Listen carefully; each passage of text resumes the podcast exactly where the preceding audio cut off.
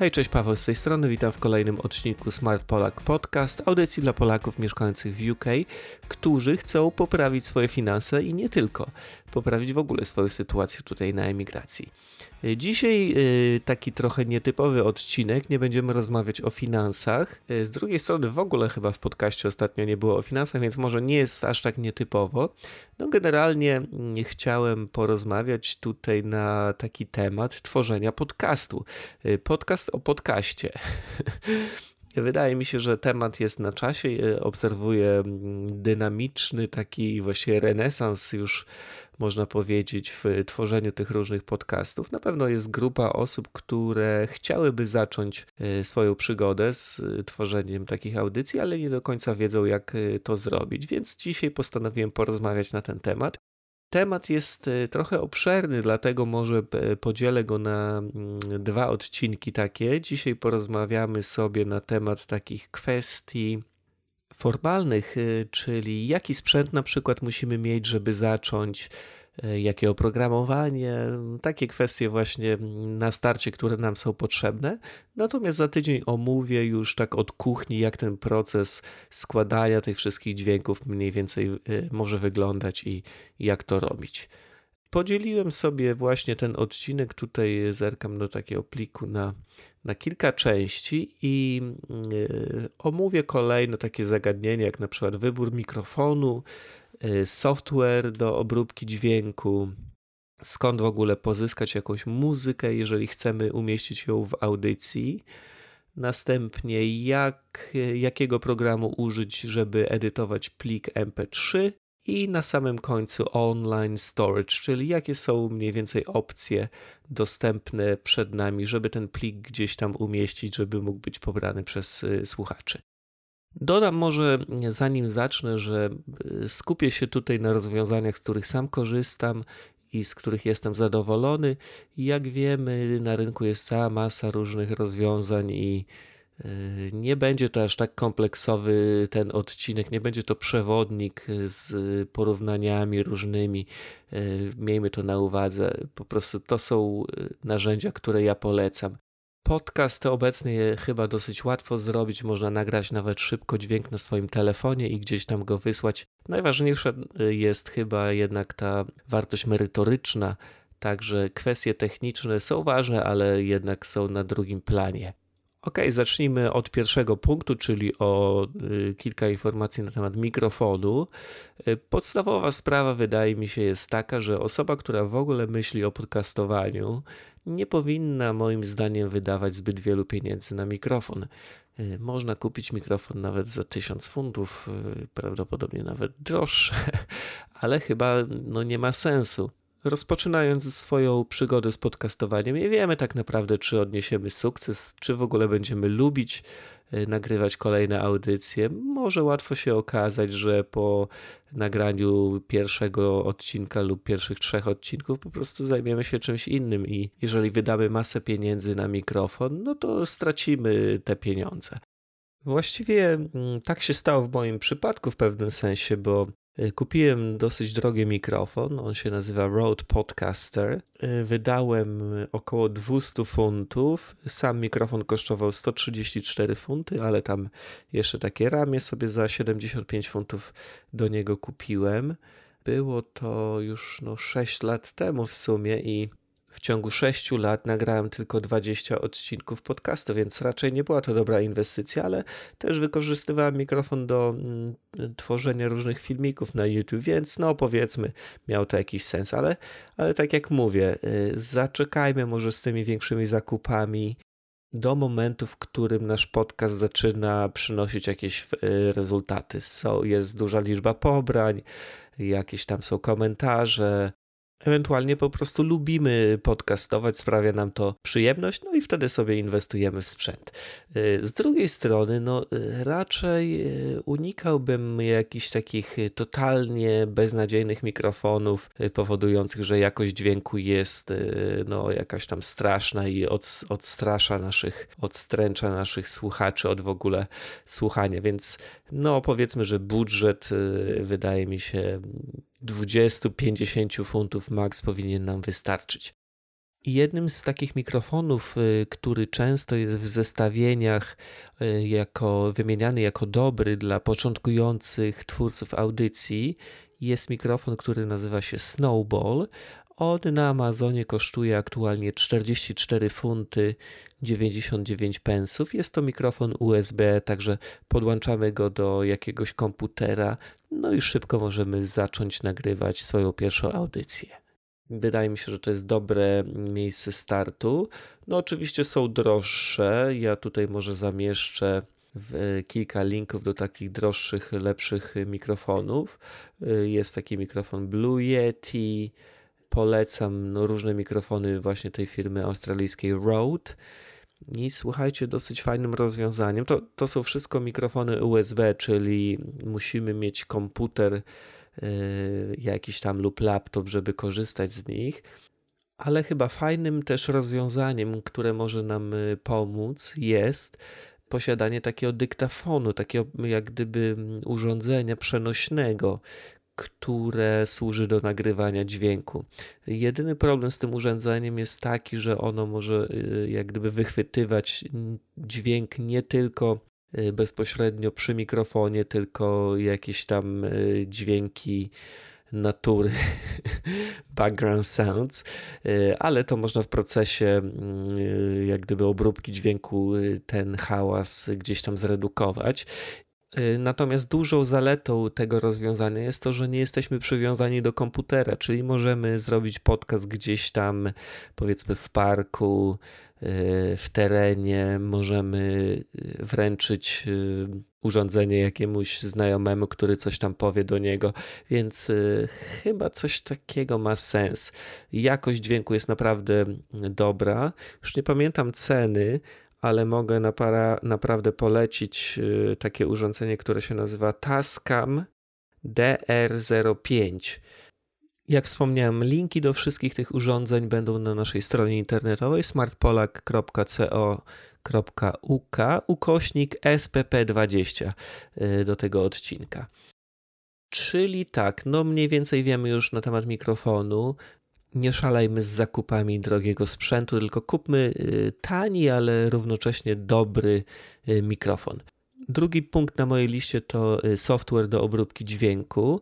Słuchajcie, no y, te podcasty, których słuchamy, y, często są troszeczkę tam y, edytowane, nazwijmy sobie to. Możemy po prostu poprawić jakość tego dźwięku, usunąć hałas gdzieś tam w tle, jeżeli coś się nagrało.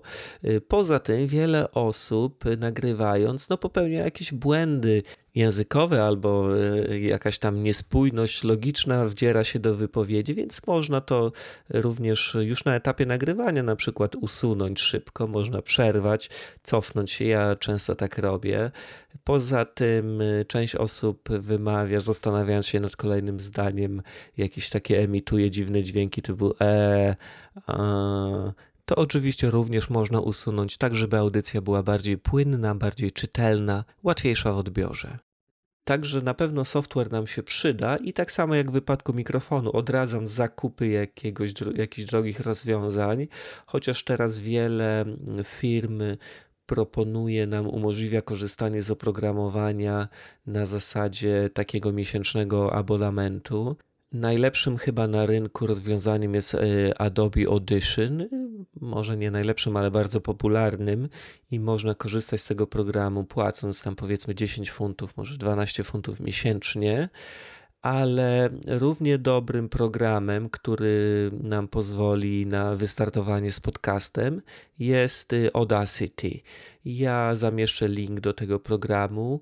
I no, w sieci jest bardzo dużo na YouTube tutoriali, które mm, pokażą Wam, jak obrobić dźwięk, jak spowodować, żeby on był y, czystszy, jakoś tam bardziej wyraźny i, i poprawić po prostu jego charakterystykę.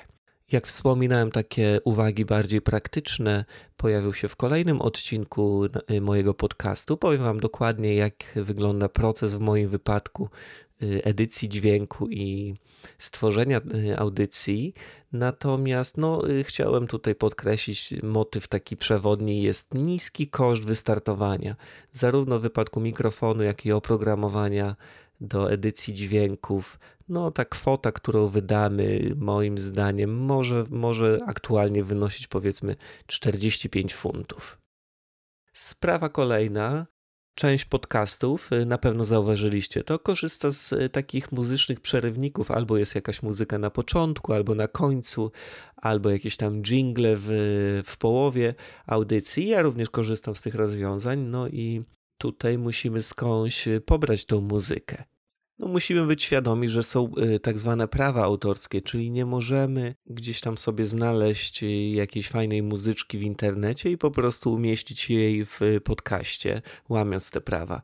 Y, powinniśmy moim zdaniem zadbać o to, żeby, żeby te pliki były używane w sposób legalny.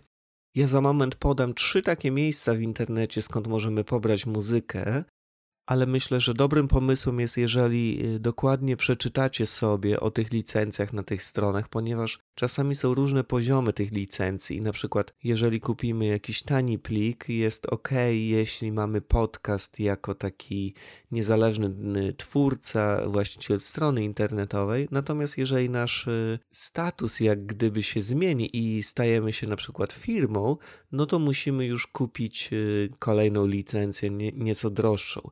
Czasami bywa też, że na przykład jedna licencja obejmuje pewną ilość pobrań, na przykład 10 tysięcy. Jeżeli y, ją kupimy i zauważymy, że nasz podcast staje się coraz bardziej popularny i tych pobrań jest naprawdę więcej, no to powinniśmy dokupić kolejną tą licencję. Także na pewno zachęcam, żebyście sobie przeczytali dokładnie, jakie są warunki używania plików dźwiękowych na każdej z tych stron, żeby potem nie było jakichś y, no, przykrych niespodzianek. Ok, czyli kilka tych miejsc, skąd możemy pobrać muzykę. Pierwsza strona to się nazywa melodyloops.com. Ja zamieszczę link oczywiście do niej. Wydaje mi się, że jest to muzyka zupełnie bezpłatna, ale tak jak wspomniałem, doczytajcie sobie na stronie. Często bywa tak, że coś, co jest bezpłatne, nie jest y, najwyższej jakości i tak jest w tym wypadku, ale myślę, że y, dla takiego początkującego twórcy podcastu i są tam pewne pliki muzyczne, które, które będą odpowiednie.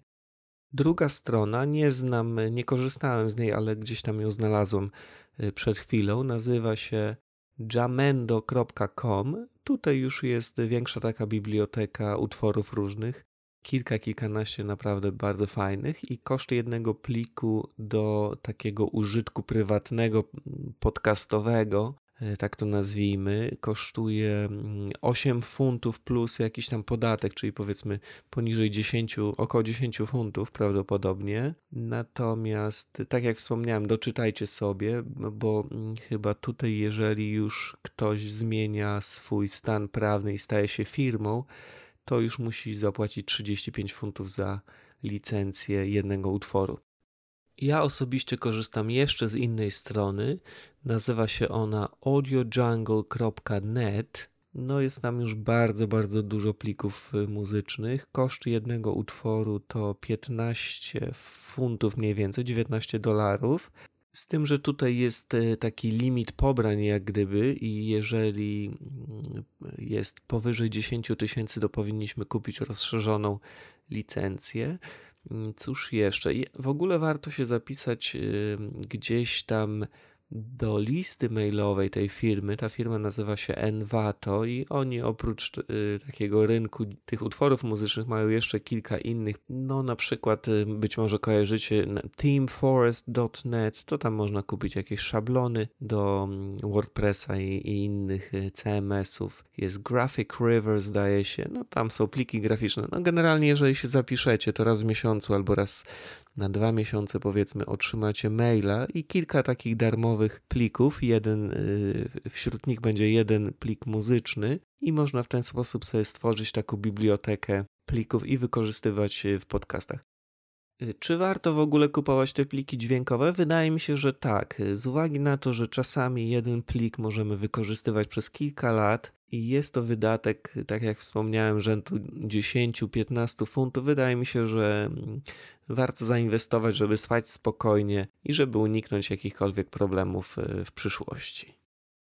No to właściwie wszystko na temat tego, czyli mamy już trzy elementy tej takiej układanki: mikrofon, software do obróbki dźwięku i muzykę.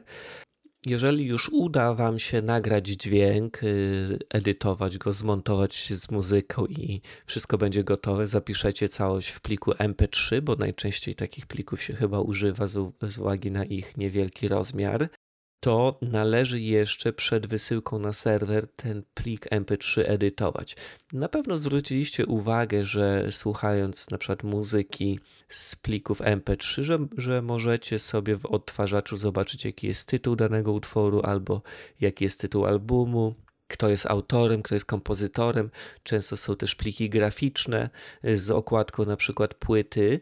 No, wszystkie te elementy można zapisać do pliku MP3, ale również musimy mieć y, stosowny program do tego. I ja osobiście korzystam y, od wielu lat z programu, który się nazywa MP3 tak, jest to bezpłatny program, bardzo łatwy w obróbce. Otwieramy ten program. Ja właściwie opowiem o tym szczegółowo w następnym odcinku, ale generalnie otwieramy program, otwieramy plik, który chcemy edytować. Możemy tutaj e, na zasadzie drag and drop wrzucić plik graficzny i wpisać e, wszystkie informacje, kto jest autorem, co to jest za podcast te elementy na pewno ułatwią odrobinę życie naszym słuchaczom, umożliwią im poukładanie sobie y, pobranych plików w jakiś tam sposób, y, żeby łatwiej później do nich dotrzeć, albo żeby no, móc przeczytać informacje, co to jest za plik, skąd się wziął, kiedy został stworzony i tak dalej. Czyli teraz przejdziemy do omawiania już ostatniego elementu, który będzie nam potrzebny, żeby te pliki gdzieś tam sobie były dostępne. Y, tym elementem jest y, tak zwany online storage, czyli miejsce gdzieś tam na serwerze, gdzie plik y, fizycznie jest zapisany i z tego miejsca użytkownicy mogą go pobrać albo, albo mogą go zestreamować do swoich urządzeń i odsłuchać. Znowu tutaj jest naprawdę cała masa różnych y, ciekawych rozwiązań. Właściciele stron internetowych, bo często podcast, na przykład w moim wypadku, jest niejako dodatkiem do strony internetowej.